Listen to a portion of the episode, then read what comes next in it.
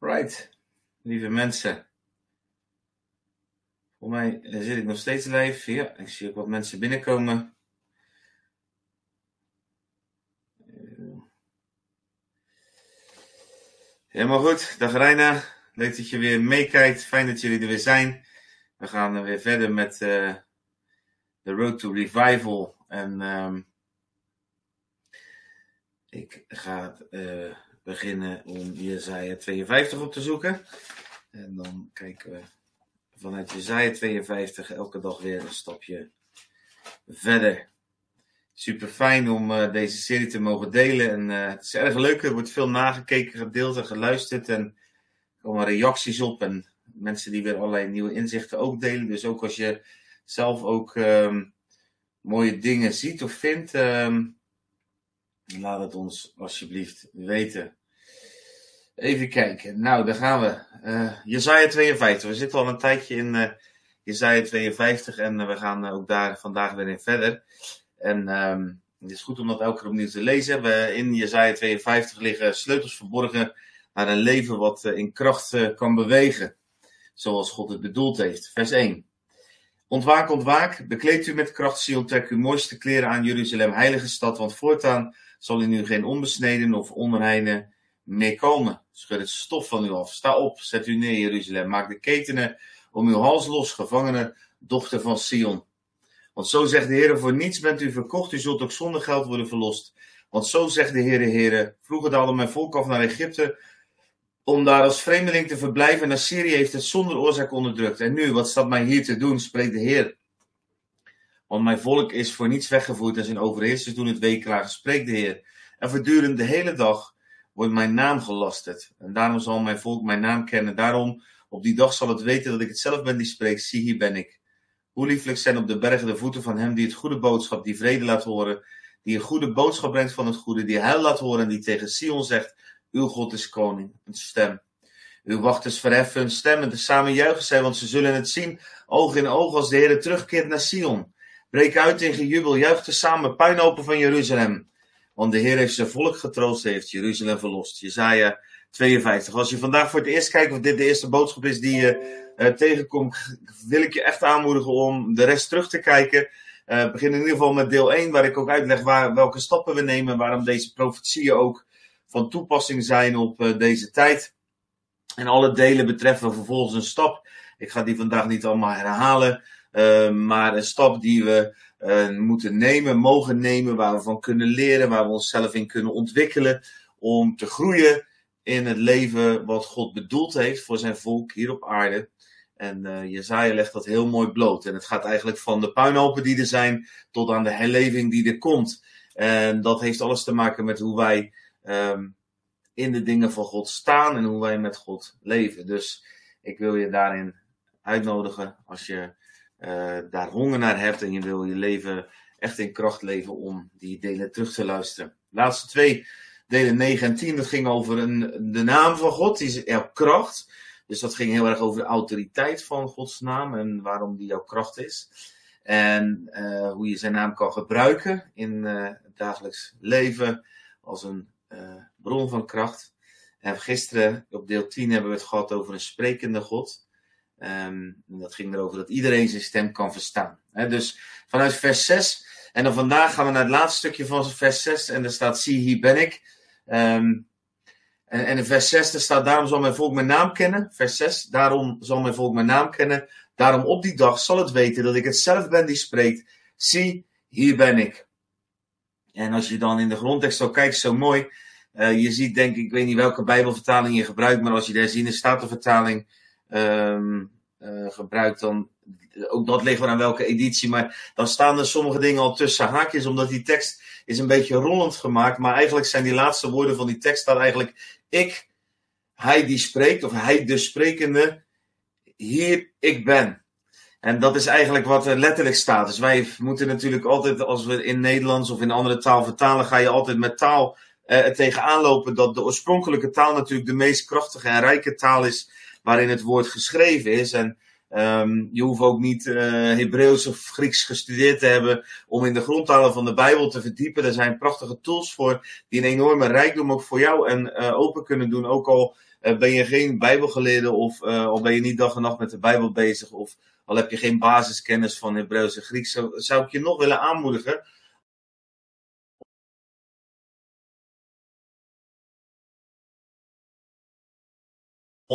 Soms van onze uh, woord God, wat in, het, uh, in de Bijbel vertaald is met God, heren of heren met hoofdletters. Uh, dat zijn een beetje de drie varianten. Maar in de onderliggende taal zit daar enorm veel varianten. Dus ik zou je alleen daarom al wel eens willen uitnodigen om uh, daarin te verdiepen. Sowieso is er prachtige informatie ook op internet te vinden. we stem af met de Heilige Geest als je informatie op internet tot je neemt.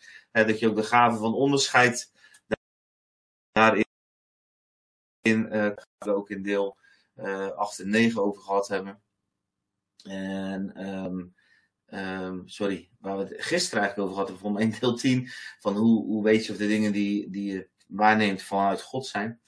Uh, doordat je zelf een relatie met hem hebt, kan je dat ook toetsen. Nou, ik ga vandaag verder met zijn naam. Het gaat nog steeds om zijn naam. Hè? Die, vers 6 heb ik gisteren ook gezegd, is de sleutel eigenlijk naar het verstaan en naar het begrijpen van Jesaja 52, naar het verstaan van de wil van God, van zijn verlangen. Hij heeft namelijk een intens verlangen dat iedereen persoonlijk in die relatie met hem komt en iedereen met hem connect. Heel het volk, alle, alle mensen die hem kennen. En die dag die genoemd wordt, waar we gisteren over hadden, gaat over de tijd waarin we nu leven. Die dag is geweest dat de Heilige Geest beschikbaar is gekomen voor alle vlees. Dus iedereen die naar hem verlangt, kan de Heilige Geest ontvangen. En die Heilige Geest is weer een sleutel naar het spreken van God in deze tijd. Nou, vandaag gaan we verder met dat prachtige zinnetje. Ik, de Hij, de sprekende, hier ik ben. dus in het Nederlands staat er dan, in de herziene statenvertaling die ik gebruik, staat in ieder geval, dat op die dag zal mijn volk het weten dat ik het zelf ben die spreekt. Zie, hier ben ik. Dus al, ik wil nog één ding toch zeggen. Als jij zijn naam kent. Dus als jij zijn naam kent. Dus je hebt wel van hem gehoord. Of je zit in een kerk. Maar je weet niet dat hij zelf tot jou wil spreken. En zelf tot jou kan spreken. Dan wil ik je van harte uitnodigen. Om je daarin uh, in te zetten. En daarin honger te hebben. En uh, te groeien. Te jagen. Te streven. Zoals Paulus die woorden gebruikt. Het zijn geen vieze woorden. Het zijn woorden die het woord van God zelf gebruikt door, door het te doen kunnen we erin groeien. Hebreeën 5 zegt dat zo mooi. Terug naar de naam van God, want daar gaat het vandaag over. Wie is hij eigenlijk? Nou, zijn naam. Uh, allereerst hebben we gisteren geleerd, de naam heeft autoriteit door het systeem erachter. Dus gezond gezag, hè, dat heb ik, ben ik gisteren niet zo ver op ingegaan, ik zal heel even iets over zeggen. Gezond gezag is super belangrijk. Dus als wij beseffen dat we in het gezag van God uh, mogen, mogen wandelen, dan begrijpen we dus daar het principe dat gehoorzaamheid autoriteit geeft. Dus hoe gehoorzamer wij wandelen in de weg van God, hoe meer wij in zijn wil wandelen, hoe meer autoriteit er vrijkomt door ons leven. Dat is dus gehoorzaamheid, is ook de hoogste vreugde die wij kunnen hebben, die wij kunnen geven aan God. En dat geeft ook de meeste kracht op deze aarde. Um, gezagsdenken, dat is een heel lastig onderwerp. Ik heb wel eens een aantal studies over gedaan, of een aantal uh, gesprekken over gevoerd met Rick Bokelman van SIP. Uh, die kan je daar wel terugvinden ook. Volgens mij zijn er vijf delen over gezag. Over vaderschap en gezag en hoe dat zich verhoudt. En hoe ik mijn visie op gezag is. Want ik zie daar ontzettend veel misgaan. In, in kerken, in gezinnen, in, in alle opzichten, ook in onze maatschappij. En gezag is super belangrijk. Uh, gezond gezag. En daarbij is het heel belangrijk dat je begrijpt dat je je autoriteit altijd ontleent aan iets wat hoger is. En ik hoop dat je heel even wil bijblijven, want ik ga nu een aantal dingen zeggen die je misschien spannend vindt, maar die ik iets later ook weer in de context plaats. Dus als je nu mee gaat luisteren met wat ik uit ga leggen over gezag, blijf dan ook even totdat ik dit stukje van gezag afsluit, zodat ik het ook in de goede context kan plaatsen en het niet even uit één stukje uit zijn verband wordt gehaald.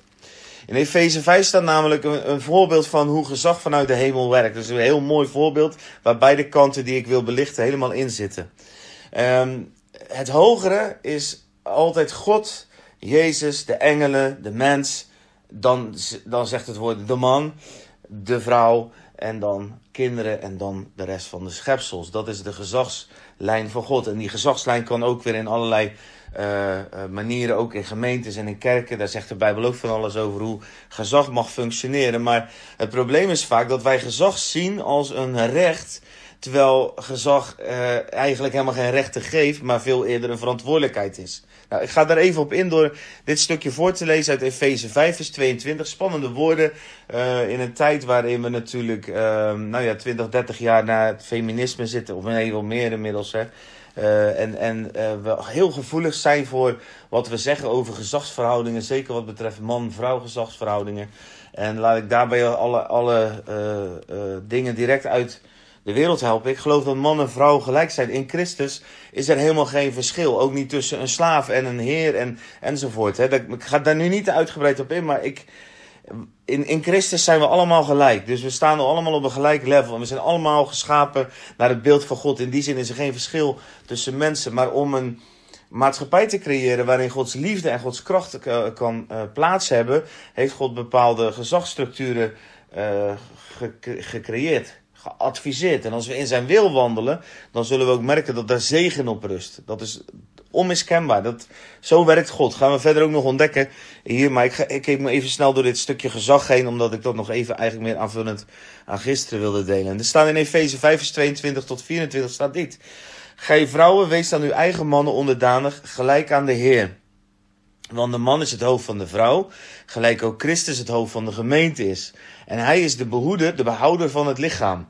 Daarom, gelijk de gemeente aan Christus onderdanig is, alzo ook de vrouwen aan haar eigen mannen in alles. Nou, dit is een prachtige tekst die gelijk heel veel vragen natuurlijk oproept. Want in hoeverre is de gemeente van Christus eigenlijk onderdanig aan Christus? En in hoeverre zijn we als gemeente gehoorzaam? Lees de zeven brieven in uh, openbaringen uh, 2, 3, 4 uh, hoe, hoe snel de gemeente eigenlijk al uh, bij Christus vandaan is. En hoe God voortdurend zegt: wees gehoorzaam, wandel nou precies in mijn wegen. En, hè, dus dat is al grappig. Hè? Dus de gemeente wordt als voorbeeld gegeven, maar de gemeente is eigenlijk al een slecht voorbeeld, zou je kunnen zeggen. Maar God uh, zet zijn principes neer. En die gaan dus niet over de dingen die misgaan in die principes. Want de principes van God staan boven de realiteit. De principes van God gaan werken in de realiteit op het moment dat wij ze toepassen. Maar als wij ze niet toepassen en we leven er niet naar, dat betekent nog niet dat die principes vervolgens ophouden. Dus de principes van God staan vast. Gezag is dus het hogere wat het lagere dient. Ik, ik, mijn definitie van gezag, die ik zelf het mooiste vind, die ik vaak gebruik, is: gezag is de verantwoordelijkheid om datgene waar je gezag over hebt gekregen tot bloei te brengen. Dus gezag is een verantwoordelijkheid. Als ik dus gezag heb over iemand, heb ik daarmee een verantwoordelijkheid om diegene waar ik gezag over heb gekregen, op welke manier dan ook, het kan mijn kind zijn of, mijn vrouw of uh, mensen in mijn gemeente, of uh, het kunnen mensen zijn die mij gezag geven door naar mij te luisteren, zoals jij nu. Want daarmee geef je mij ook een bepaald gezag om te mogen spreken en, en geloof te mogen brengen in jouw denken. En, en het vraagt ook om vertrouwen. Dus op het moment dat je me dat uh, geest, heb ik de verantwoordelijkheid om jou tot bloei te brengen. Dus als ik ga spreken, jij luistert en jij geeft mij daarmee gezag. Gezag is overigens ook iets wat je altijd alleen maar kan geven aan een ander.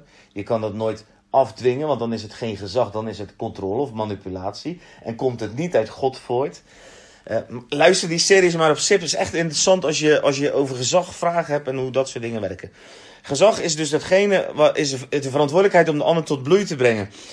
En um, dat zie je ook, want Jezus is het hoogste gezag ooit op aarde geweest. Fysieke gezag ooit op aarde geweest. En hij is voortdurend aan het dienen. Hij vraagt helemaal niet aan mensen om hem heen om hem te dienen. Ook al heeft hij discipelen. Die discipelen heeft hij om zichzelf te vermenigvuldigen, maar niet om hem te dienen. En natuurlijk helpen ze, je hebt een boekhouder enzovoort. Ze helpen allemaal een handje mee om, eh, om dingen mogelijk te maken. Dat is ook fijn. Dat is ook fijn in bedieningen. Dat is ook fijn in gemeentes. Dat we met dingen met elkaar doen. Want er zit natuurlijk heel veel rijkdom en diepte in. Maar Jezus was allereerst dienend. En je ziet ook vlak voordat hij uh, gaat sterven. Uh, een van de laatste dingen die hij nog doet is de voeten wassen van zijn discipelen. Een vreselijk smerig werkje waarbij hij de complete nederigheid neerlegt. En waarbij hij tegen iedereen zegt die daarbij is: Dit is hoe ik het doe en ik wil dat jullie het ook zo doen. E7, Efeze heb ik net gelezen van het onderdanig zijn. En Dan staat er namelijk ook zo mooi achter, en dat brengt ook de balans, want Gods woord heeft een heel krachtige balans. Gij mannen, hebt u vrouwen lief, zoals Christus de gemeente lief gehad heeft en zichzelf voor haar heeft overgegeven. Nou, dat vind ik wel een fascinerende tekst, want daar staat eigenlijk, nou mannen, uh, er staat eerst vrouwen, jullie moeten je mannen onderdanig zijn. En dan staat er vervolgens, nou en mannen, jullie moeten je vrouw lief hebben, zoals Christus de gemeente lief gehad heeft. Vrouwen moeten hun mannen onderdanig zijn zoals de gemeente Christus onderdanig is geweest. Nou, dat, dat is bepaald geen goed voorbeeld. Maar mannen, die krijgen een voorbeeld wat een bijzonder goed voorbeeld is. Namelijk Christus, die heeft zijn gemeente lief gehad en zichzelf voor haar overgegeven. Oftewel, mannen, of je vrouwen nou wel of niet gehoorzaam zijn in jouw ogen, je zal toch voor ze aan het kruis moeten. Want dat is wat Christus ook gedaan heeft voor zijn gemeente. Nou, een bijzondere uitdaging denk ik. Ik geef hem maar even mee. Uh, en het hopelijk gaat het ook je denken over gezag uh, op een goede manier beïnvloeden. Namelijk dat gezag altijd een kwestie is van liefde. En degene met de meeste liefde heeft de meeste autoriteit. Degene die het meest lief heeft, heeft het meeste gezag. Uh, zo was Jezus op deze aarde. En in al zijn overgave nam hij vervolgens het gezag over mensen die alsnog voortdurend ongehoorzaam zijn. Maar hij zette daarmee wel de weg vrij. En ik denk dat dat vaak is wat gezag kan doen. Maar het gaat nu niet over gezag, dus ik ga terug aan zijn naam. Wie is hij? Heb ik er vandaag ook boven gezet. Deel 11 is wie is hij eigenlijk? Wie is God? En dan gaat het dus over zijn naam. Zijn naam. Het hele volk, iedereen zal mijn naam kennen. Ze zullen weten dat ik de sprekende ben. Dat ik zie. Ik ben. Zie, hier ben ik, staat er in onze vertaling. Wie is zij dan? Wie is dan die ik ben? Wie is dan deze God? Het woordje naam in de Bijbel, onoma, eh, dat, dat gaat verder dan alleen maar naam. Dat, dat woordje naam, als dat gebruikt wordt, zeker in combinatie met, uh, de met, met God, maar ook in combinatie met die van mensen, dan gaat het ook over um, um, de persoonlijkheid daarachter. Dus dat kennen wij in Nederland ook wel. Je hebt bijvoorbeeld van, uh, dan zeg je wel, uh, je hebt zo'n uitdrukking van, denk aan je goede naam bijvoorbeeld. Hè? en vervolgens gaan mensen dan schijnheilig gedrag vertonen om aan hun goede naam te denken. Maar los van dat, dat is een beetje dat principe. Ik eens even een krukje erbij pakken. Um, van die naam. Dus de naam van God, die is heel erg kenmerkend voor zijn persoonlijkheid. Dat is wie hij is. Nou, zijn hoogste naam die hij aan ons openbaart is ook ik ben. Is ook Jehovah, ik ben die ik ben. Onveranderlijk, eeuwig. Die was, die is, die komen zal. De eerste, de laatste. Uh, die er is en die er wezen zal. Hij, ik ben, ik ben, hij is, ik ben. nou, dat is een naam, daar kan je maanden over nadenken. Daar ga je nooit uitkomen, want dat is de meest ultieme naam die wij als mensen ooit uh, geopenbaard hebben gekregen. Hij is de ik ben. Er is in hem alles. Hij is alles. En hij zal ook alles in alles zijn. Als we dus naar zijn namen kijken, en ik ga dat kort doen, ik wil een aantal van die namen met jullie delen. En ook daarover is heel mooi onderwijs op internet te vinden overigens. Uh, daar hoef je niet helemaal voor. Er zijn zoveel mensen die dit soort prachtige dingen uitgezocht hebben. Maar het is belangrijk om dat tot je te nemen, wie, wat zijn namen zijn, omdat dat dus iets zegt over wie hij is, over zijn karakter. Nou, wat kom je tegen in de Bijbel? Je komt de, de, de, in de grondtekst het woord Elohim, dat wordt gewoon vertaald met God. Uh, dat betekent eigenlijk, hij is het hoogste wezen. Dus hij staat boven alles. je zou het bijna kunnen vertalen met een opperwezen. Dus de, de, grootste, hoogste macht, er is geen God boven, boven hem. Ja, we hebben het net al even over gehad. Hè? De ik ben die ik ben. Zijn naam waarmee hij door mensen aangesproken wil worden. Want dat is de naam waarmee hij zich openbaart. Als, Mozes, als Mozes zegt, maar wie moet ik dan zeggen wie mij geroepen heeft? Dan zegt hij, mijn naam is ik ben. Je komt veel tegen Elion, dat is de eigenaar, de bezitter van de hele aarde. Dat gaat over zijn eigenaarschap, uiteindelijk zijn, zijn uh, regering van deze aarde. Het woordje ja komt veel tegen, dat drukt een bepaalde intimiteit uit. Dat vind ik een hele mooie ook. Uh, dat is eigenlijk Jehovah, maar dan ja, dus een klein stukje van Jehovah. En ja, misschien vind je het heel onerbiedig. Uh, mensen die van mij houden en mij goed kennen noemen mij vaak bijvoorbeeld Appie of App. En iedereen heeft dat. Hè? Ik noem mijn vrouw altijd Mies of Mickey. Of, uh, en, en, ze heet Michelle. Uh, we gebruiken vaak een soort koosnaampjes voor elkaar, omdat dat een bepaalde intimiteit uitdrukt. Nou, zie je dat in de Bijbel ook terug. En dat zie je ook in het Nieuwe Testament overigens. Voor de mensen die nu in de stress schieten van, oh God, heeft God ook al een koosnaampje? Ja, dat heeft hij. In de Bijbel, in het Nieuwe Testament, bijvoorbeeld Romeinen 8, vind je terug dat wij naar hem uitroepen: Abba, papa. is een heel intieme naam. Abba is heel intiem. Hè? Een, een kind wat zijn vader papa noemt, dat geeft een blijk van een enorme uh, intieme relatie met de vader. Nou, zo die intieme relatie terugvindend in het Oude Testament is het woordje ja. Je vindt het ook terug in halleluja. Dus dat woordje ja aan het eind, halleluja. Loof de Heer, loof God, looft. Maar dat heeft die intimiteit in zich. Dat is misschien mooi om ook mee te nemen als je voortaan weer zingt. En je, en je aanbidt hem en je zoekt je halleluja's. Uh, de hele psalmen staan vol met halleluja's. Dat je weet dat daar een intimiteit in zit die verwant is aan het, wat we in het Nieuwe Testament Jezus hem Abba noemde. Het is een verkleinde naam van God. Hij komt in die context ook voor, ook in het Oude Testament. Dan heb je Eloa, of Elo, Eloa. Dat is degene die aanbeden moet worden. Hij is de levende God. Hij staat vaak, deze naam staat vaak ten, opzichte van dode afgoden, van uh, houten beelden enzovoort, waar mensen aanbidden en waar mensen zich voor buigen. Dan natuurlijk de Adonai is een veelgebruikte naam in het woord. Dat is wat wij vertalen met Heer. Gaat over zijn leiderschap, maar specifiek wat hier op aarde zichtbaar wordt. Dus dat heeft die betekenis op aarde. Dan heb je allerlei combinaties met het woordje El bijvoorbeeld, of Elohai. En um, ik, ik zal er een paar noemen. Um, de trouwe God in Deuteronomium 7, vers 9. El Hanaeam. Uh, de El Hakadosh, de heilige God. De El Yisrael, de God van Israël. De El Elion, de Allerhoogste God. Immanuel, God is onder ons, met ons, bij ons. En zo heb je heel veel van deze namen. God van het begin, de levende God, de God van vergeving, de God van mijn kracht, de God van mijn verlossing. Jehovah Shalom, de Heer is vrede. Jehovah Jireh, de Heer zal voorzien. Prachtig ook. Je, Jehovah Kadosh, de Heer die is heilig, of de Heer die u heiligt. Jehovah Zidrenu, Zidkenu, de Heer onze gerechtigheid. Jehovah Rofeka, de Heer uw heelmeester. Jehovah, Jehovah Elijen, de Heer de Allerhoogste. De Heer van de legermachten, de Heer is mijn benier, de Heer is daar, de Heer is mijn herder. Dat zijn woorden, Jehovah Roi.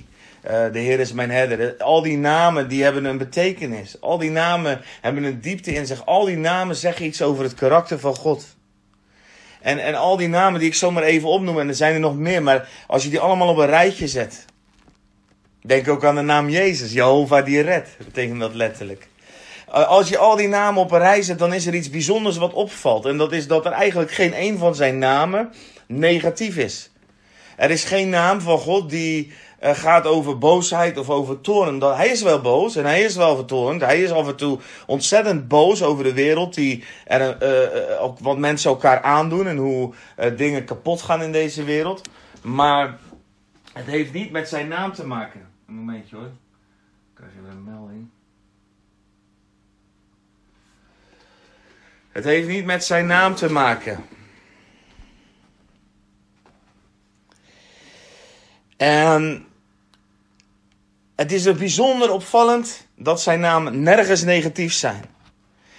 En hoe kan het dan zijn, denk ik dan, als ik dus al die namen van God even doorneem, hoe kan het dan zijn dat uiteindelijk um, in ons denken nog zo vaak en in ons spreken en in de maatschappij ook, hè, waar we gewoon met elkaar in verkeren, en nog, nog zo vaak die naam negatief wordt benoemd en nog zo vaak een negatieve klank zit aan onze God. Hoe kan dat dan? Dat heeft dus alles te maken met hoe ons godsbeeld gevormd wordt. En als je, als je om dat te begrijpen, um, is het denk ik. Dan, we gaan even naar 2 Korinthe 3, vers 16. Dan kunnen we begrijpen hoe dat werkt. Dan kunnen we begrijpen hoe dat soort dingen in elkaar zitten. En in 2 Korinthe 3, vers 16 tot 17, daar vind je de woorden van uh, Paulus. Ik pak het er heel even bij. 2 Korinthe 3, vers 16 en 17. En daar vinden we sleutels over een prachtig hoofdstuk. uh, 2 Korinthe 3, is echt een sleutelhoofdstuk om te begrijpen hoe jij een leven mag leven in de bediening van Gods geest. En hoezeer dat ook een totaal andere manier van leven is als de bediening van het Oude Testament. Eh, je moet het hoofdstuk maar eens even doorlezen. Ik ga dat nu niet helemaal doen, want dat zou heel veel tijd kosten. Maar het is een super krachtig, interessant hoofdstuk om je in te verdiepen. Maar waar mij nu even over gaat, is van hoe kan het zijn dat God zo'n krachtig, positief en uh, een liefdevol karakter hebt. Ergens in het woord staat zelfs, hij is liefde. Johannes uh, schrijft dat. God is liefde in 1 Johannes 3. Um, zijn persoonlijkheid is liefde, zijn persoonlijkheid is goed. Hij is een redder, hij is een voorziener, hij is een gever, hij is een oneindig goede God. En, en, en, en heel vaak als we over hem spreken of als er over hem gesproken wordt in de maatschappij, is het negatief. Dat heeft alles te maken met de manier waarop wij God zelf zien. Dus kijk, eh, de filosofie. Ik, heb ik ben helaas een tijd God kwijt geweest in mijn leven. Nou, voordat ik hem vond, ik kende hem niet. Maar um, toen werd ik eigenlijk mee ging ik op een bepaald moment wilde. Ik, ik was opgegroeid in met een negatief godsbeeld, met een beeld van een God die alleen uitverkorene mensen tot, tot hem bracht. En dat was een kans van 1 op uh, weet ik veel een miljoen. En uh, als je dat had, dan kwam je er toch wel. Als je dat niet had, ging je gewoon naar de hel. Uh, dat was de simpele visie waarmee ik mee opgegroeid ben. En toen ik um, ja, daar zelf over na ging denken, toen had ik daar al gauw moeite mee. Uh, kon ik dat niet plaatsen, kon ik, het, uh, kon ik er niks mee. En vond ik dus uiteindelijk mijn rust en mijn verlossing in allerlei filosofen. Dus Goethe, Nietzsche en ook uh, over de oorsprong van het leven Darwin. Zij hielpen mij eigenlijk van mijn God af, waar ik tot dan toe altijd over had gehoord. En hun zeggen ook, hun filosofie is ook God is dood. God is een projectie van je eigen denken. Nou, daar is, is voor een deel is dat helaas waar. Um, voor hun is dat allesomvattend. Dus ze zeggen gewoon, ja, een mens verzint een God en dus geloven ze in een God en dus is die God er. Maar het is geen echte God, want het is een projectie van je eigen denken. Nou, je hoeft, denk ik, ik ga nu niet op de argumenten in waarom dat onzin is en waarom God is zeer ervaarbaar en zeer bewijsbaar. Maar die theorie dat God een projectie is van je denken is wel degelijk waar, want dat zegt de Bijbel ook. En we gaan nu even lezen waar de Bijbel dat zegt. In 2 Korinthe 3 vers 16 staat... Um, nou, laten we, vers 15 erbij leggen. Ja, tot op heden ligt er als Mozes gelezen wordt een bedekking op hun hart. Maar wanneer het zich tot de Heer bekeert, wordt de bedekking weggenomen. De Heer nu is geest. En waar de geest van de Heer is, daar is vrijheid. En wij allen nu die met een onbedekt gezicht de heerlijkheid van de Heer als in een spiegel aanschouwen, aanschouwen worden van gedaante veranderd naar hetzelfde beeld, van heerlijkheid tot heerlijkheid, zoals dit door de geest van de Heer bewerkt wordt. Nou, hier vind je een prachtig beeld van um, hoe ons godsbeeld gevormd wordt. En dat laatste vers is de sleutel dat als wij een onbedekt gezicht de heerlijkheid van de Heer als in een spiegel aanschouwen, worden wij van gedaante veranderd naar hetzelfde beeld, van heerlijkheid tot heerlijkheid, zoals dit door de geest van de Heer bewerkt wordt. Dus de Bijbel zegt hier eigenlijk, nou, het is eigenlijk een spiegel. En als jij in die spiegel kijkt, dan kijk je naar het beeld van God. Nou, mensen die het woord kennen, die weten dat we oorspronkelijk naar het beeld van God zijn geschapen. Dat was het idee van God. Hij maakte mensen naar zijn beeld en naar zijn gelijkenis. En dat we dat beeld en, dat, en die gelijkenis, die gaan we ook weer, um, daar mogen we ook weer naartoe hersteld worden.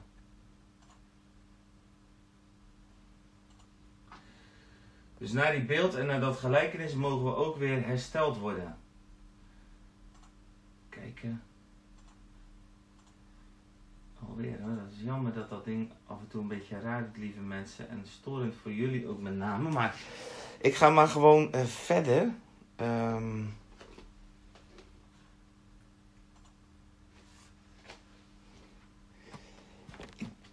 Ik denk dat ik er een hele tijd uit geweest ben, maar ik heb gelukkig nog wel de audio-opname ook, dus dan deel ik dat later weer. Ik ga even verder waar ik inmiddels ben, want ik kan niet meer terug naar waar ik eruit ga, maar ik weet niet wanneer dat geweest is. Dus ik ga maar even gewoon verder. En waar ik bezig ben is om uit te leggen dat uh, wat filosofen zeggen dat God een projectie is van ons eigen denken. Dat is deels waar, want dat zegt de Bijbel ook. De, de, dat, God, dat het beeld van God wat wij vormen, dat vormen we allereerst zelf. En de Bijbel zegt dat ook in 2 Korinthe 3 vers 4, dat was ik net aan het lezen. En de filosofen die nemen daarmee, hè, Goethe, Nietzsche, ik had even iets verteld over mijn eigen leven. Um, die zien dat als iets waardoor het bewijsbaar is dat God niet bestaat. Want het is nou immers iemand wat wij zelf bedacht hebben.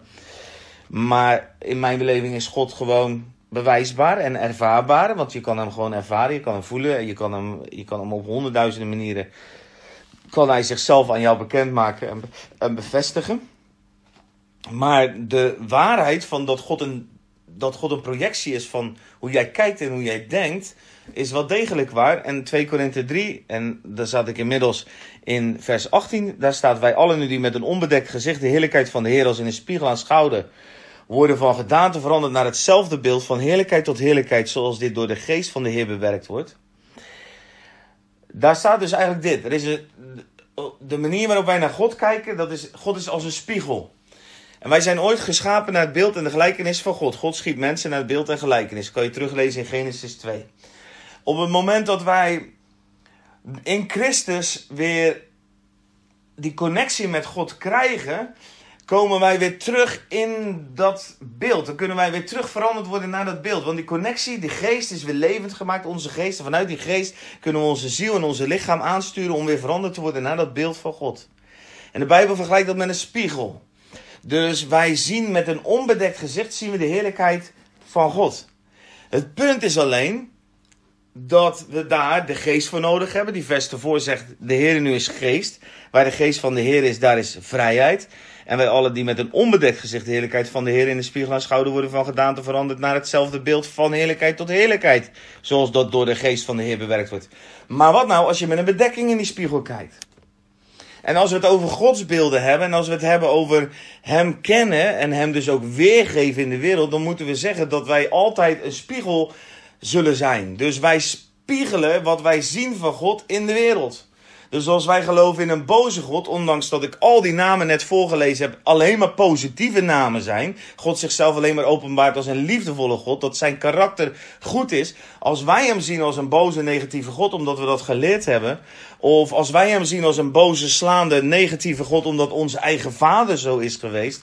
Of als wij hem zien als een God die eigenlijk totaal onverschillig is, wat er verder met de wereld gebeurt. Of als wij op welk godsbeeld wij ook maar hebben, dat zijn die bedekkingen. He, 2 Korinthe 3 vers uh, eh, 15 spreekt over de bedekking als Mozes gelezen wordt. Dat wil zeggen als de wet gelezen wordt. Dan komt er dus een bedekking op jouw ogen. En dan kijk je door die bedekking heen in die spiegel. Maar dan zie je niet de zuivere heerlijkheid van God. Daar heb je de Heilige Geest voor nodig. Die bedekking moet weg.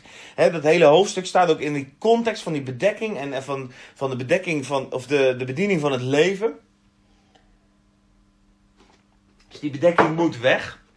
En op het moment dat die bedekking weg is, dan zien wij God zoals Hij is. En hoe meer bedekkingen er uit ons leven weggaan, hoe meer wij God gaan zien zoals Hij is, hoe meer wij Hem ook gaan weerspiegelen zoals Hij is. En er kunnen allerlei bedekkingen zijn. Ik noemde er al een paar. Maar die bedekkingen op je leven kunnen inderdaad vanuit de wet komen of vanuit veroordeling. Of dat je zelf um, hele negatieve ervaringen hebt met vaderschap in je leven. En dan is het natuurlijk als God zich als vader openbaart. Want dat is wat Jezus doet. Hè? De diepste openbaring door Jezus heen van God is dat hij een vader is. Een openbaring overigens die je ook in Psalm 103 al terugvindt, bijvoorbeeld in het Oude Testament. Die je door de hele Oude Testament ook heen spiegelt. Maar je zou toch gewoon kunnen zeggen dat de, de mensen in het Oude Testament, zeker die onder de wet leefden, dus vanaf uh, de tijd dat de wet gekomen is, ze hadden een bedekking. Dus ze keken daar doorheen naar God. Je komt dat ook voortdurend tegen in het woord als, als de God van Israël bijvoorbeeld. Hè, zoals de Filistijnen, ik heb dat vorige keer ook wel aangehaald. Op het moment dat hun de ark, uh, de heerlijkheid van de Heer, de ark geroofd hadden. Dus in de oorlog was de ark verloren gegaan. De Filistijnen hadden de ark meegenomen. Dan kijken ze dus met hun ogen, hun godsbeeld, kijken ze in die spiegel van de heerlijkheid van God. En dan gaan ze dus ook de dingen doen die hun gewoon zijn voor hun goden te doen. Je beeld van God bepaalt dus je spiegel ook naar deze aarde toe.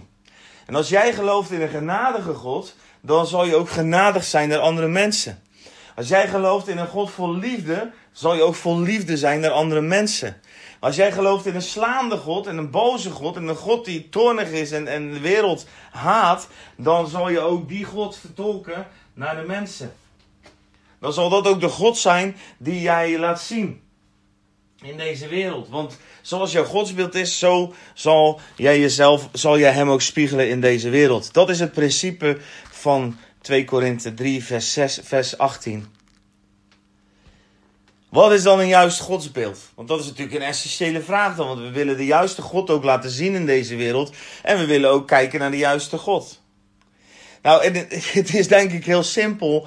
En uh, een, een, een absolute sleutel voor je leven is de juiste godsbeeld, is Jezus. Jezus is de perfecte openbaring van God de Vader.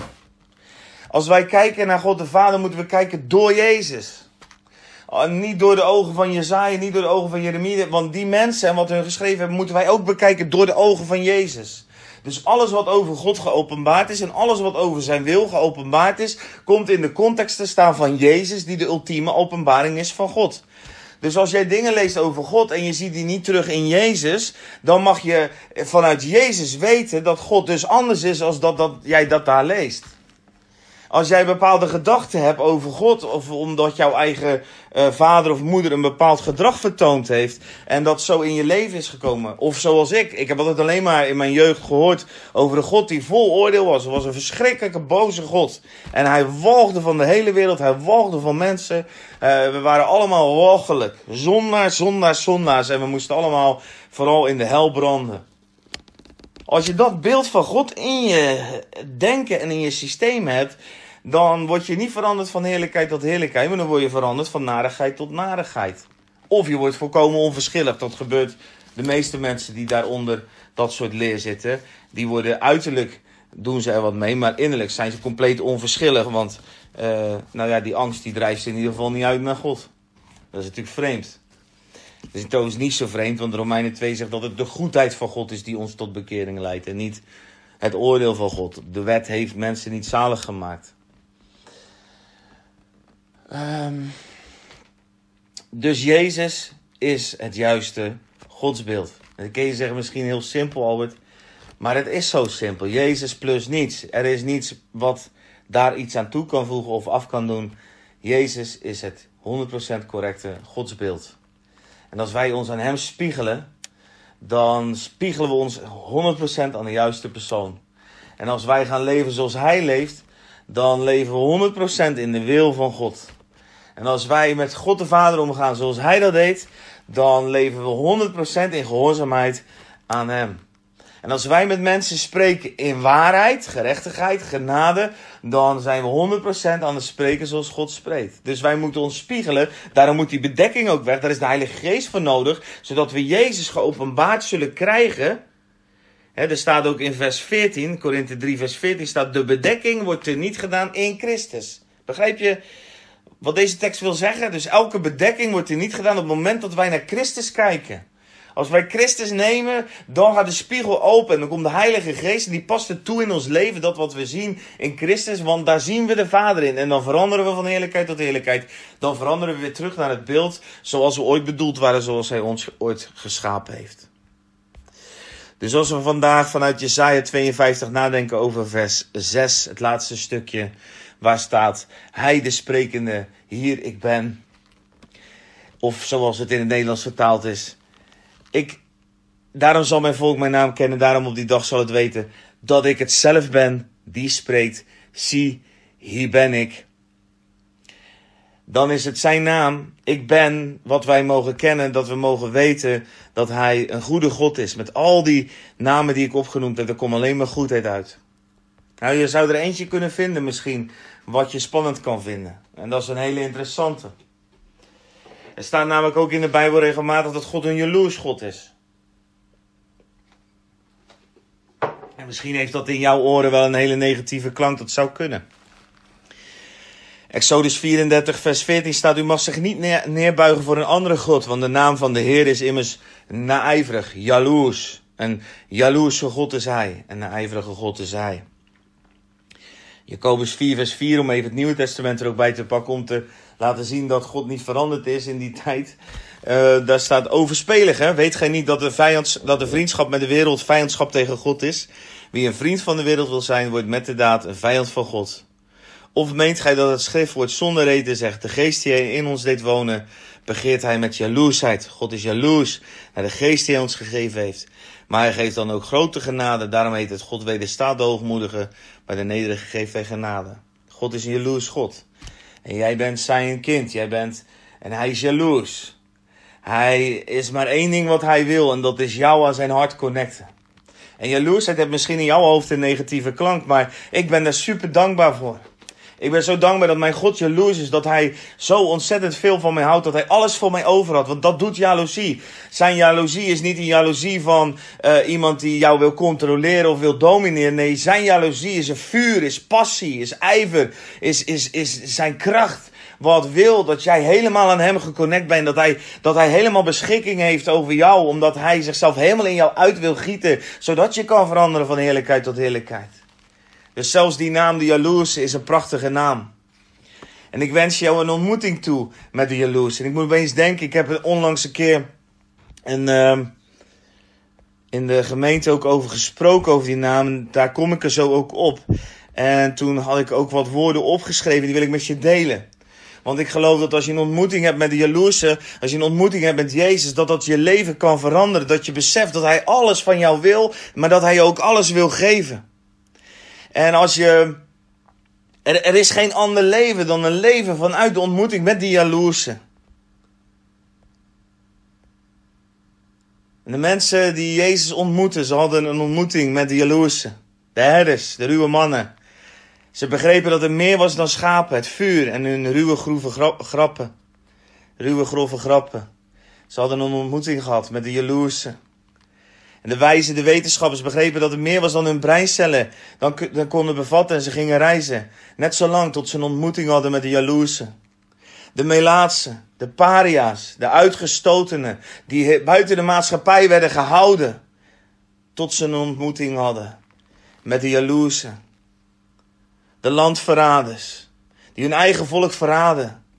Tot ze een ontmoeting hadden met de jaloerse. En de religieuzen die het allemaal al wisten. Zich hielden aan honderdduizend regeltjes en niemand nodig hadden. Totdat ze die ontmoeting hadden met de jaloerse. De overspelige met zoveel relaties, die uit schaamte de mensen was gaan vermijden. Totdat ze daar bij die put een ontmoeting had met de jaloerse. De vreemdeling die maatschappelijk gezien overal buiten stond, geen rechten had, doel en bestemming was verloren, totdat ze een ontmoeting had met de jaloerse. Vrouwen die nog nooit serieus werden genomen, veracht werden door de mannen om, om hen heen, totdat ze een ontmoeting hadden met de jaloerse. De mannen die maar deden en met, zonder te denken onreinheid leefden, zich permitteerden om ontrouwbaar te zijn, totdat ze een ontmoeting hadden met de jaloerse. Kinderen die nog nooit van belang waren geweest in de maatschappij, totdat ze in het midden werden gezet en zichtbaar werden gemaakt door een ontmoeting met Jezus de jaloerse. De eenzame zoeker in een isolement terechtgekomen was door de vragen die nooit gesteld mochten worden. Tot zijn ontmoeting had met de jaloerse, de twijfelaar, die zo dicht bij hem geweest was al die jaren, maar het niet meer kon geloven en vroeg om de tekenen in zijn handen. Hij had een ontmoeting met de jaloerse, de praatjesmaker, die het allemaal wist, maar hem keihard verlogenen. Tot het moment dat hij een ontmoeting had met die jaloerse God. En jij, ben jij ook klaar voor die ontmoeting met die jaloerse? Want als deze mensen de jaloerse ontmoeten, dan, dan, dan, dan ontmoeten ze in hem alleen maar goedheid. Het is misschien wel zijn mooiste naam dat hij jaloers is en dat zijn hele aandacht naar jou uitgaat. En dat is ook de naam, de ik ben. Hij is het, die alles is, maar ook alles wil geven aan jou. En als jij het ontvangt, dat je het weer door kan geven. En dat is waar Jezaja 52 over gaat. Mag hij komen, die jaloerse, om jouw leven zo aan te raken dat het in vuur en vlam zal staan. Zodat je, waar we de volgende keer over na gaan denken, die voeten kan zijn, die de goede boodschappen van het goede. Mag hij met zijn vuur, zijn jaloezie, zal ik uit de hemel willen roepen over jou heen. Zodat dat alles wat niet van hem is en alles wat jou en hem in de weg staat, dat dat, uh, dat dat mag verbranden in het vuur van de jaloerse. Het vuur van de jaloerse mag dat wegbranden. Wat in jouw leven tussen hem en jou instaat. Kan je hem zo uitnodigen? Kom maar. Kom maar, Heer. Zie mij maar. Kom met uw verterend vuur. U bent een jaloers God. U heeft alle recht op mij. Alle recht. U bent mijn schepper. U bent mijn maker. En u bent de jaloerse. En ik wil mijn leven aan u toewijden. Ik wil mijn leven aan u toewijden. Want u bent de God die betrouwbaar is. U bent de God die veilig is. Dank u wel, Heer, dat u zichzelf openbaart. Dat we in uw naam uw karakter mogen vinden. En dat we mogen leven als mensen die, zoals Jesaja 56 het zegt, dat we uw naam mogen kennen. Uw karakter, uw openbaring, dat we u mogen kennen. En dat we, dat we zelf mogen horen uit de hemel dat u het bent die spreekt tot ons hart. En dat u zegt, hier ben ik, ik ben er voor jou. En ik wil met jou, wil ik samen door dit leven heen bewegen. En met jou wil ik samen op avontuur. En als je dat wil, zeg dan gewoon met mij. Amen, Heer. Amen. Ik ben van u. En u bent van mij. Neem mijn leven. Laat het, Heer, toegewijd zijn aan uw eer. Ik zegen jou met toewijding. Vind je vreugde in gehoorzaamheid. En hou van hem. Want hij is zo ontzettend in liefde voor jou. Hij is jaloers God. Kina. Het woordje jaloers. Kina. Gaat over vuur, gaat over branden, gaat over passie. Zijn hart brandt voor jou. En ik hoop dat het branden van zijn hart, als je dat in die spiegel mag zien, dat je mag veranderen van heerlijkheid tot heerlijkheid, dat die brand ook in jouw hart gaat aangestoken worden. In Jezus' naam. Wees gezegend. Amen.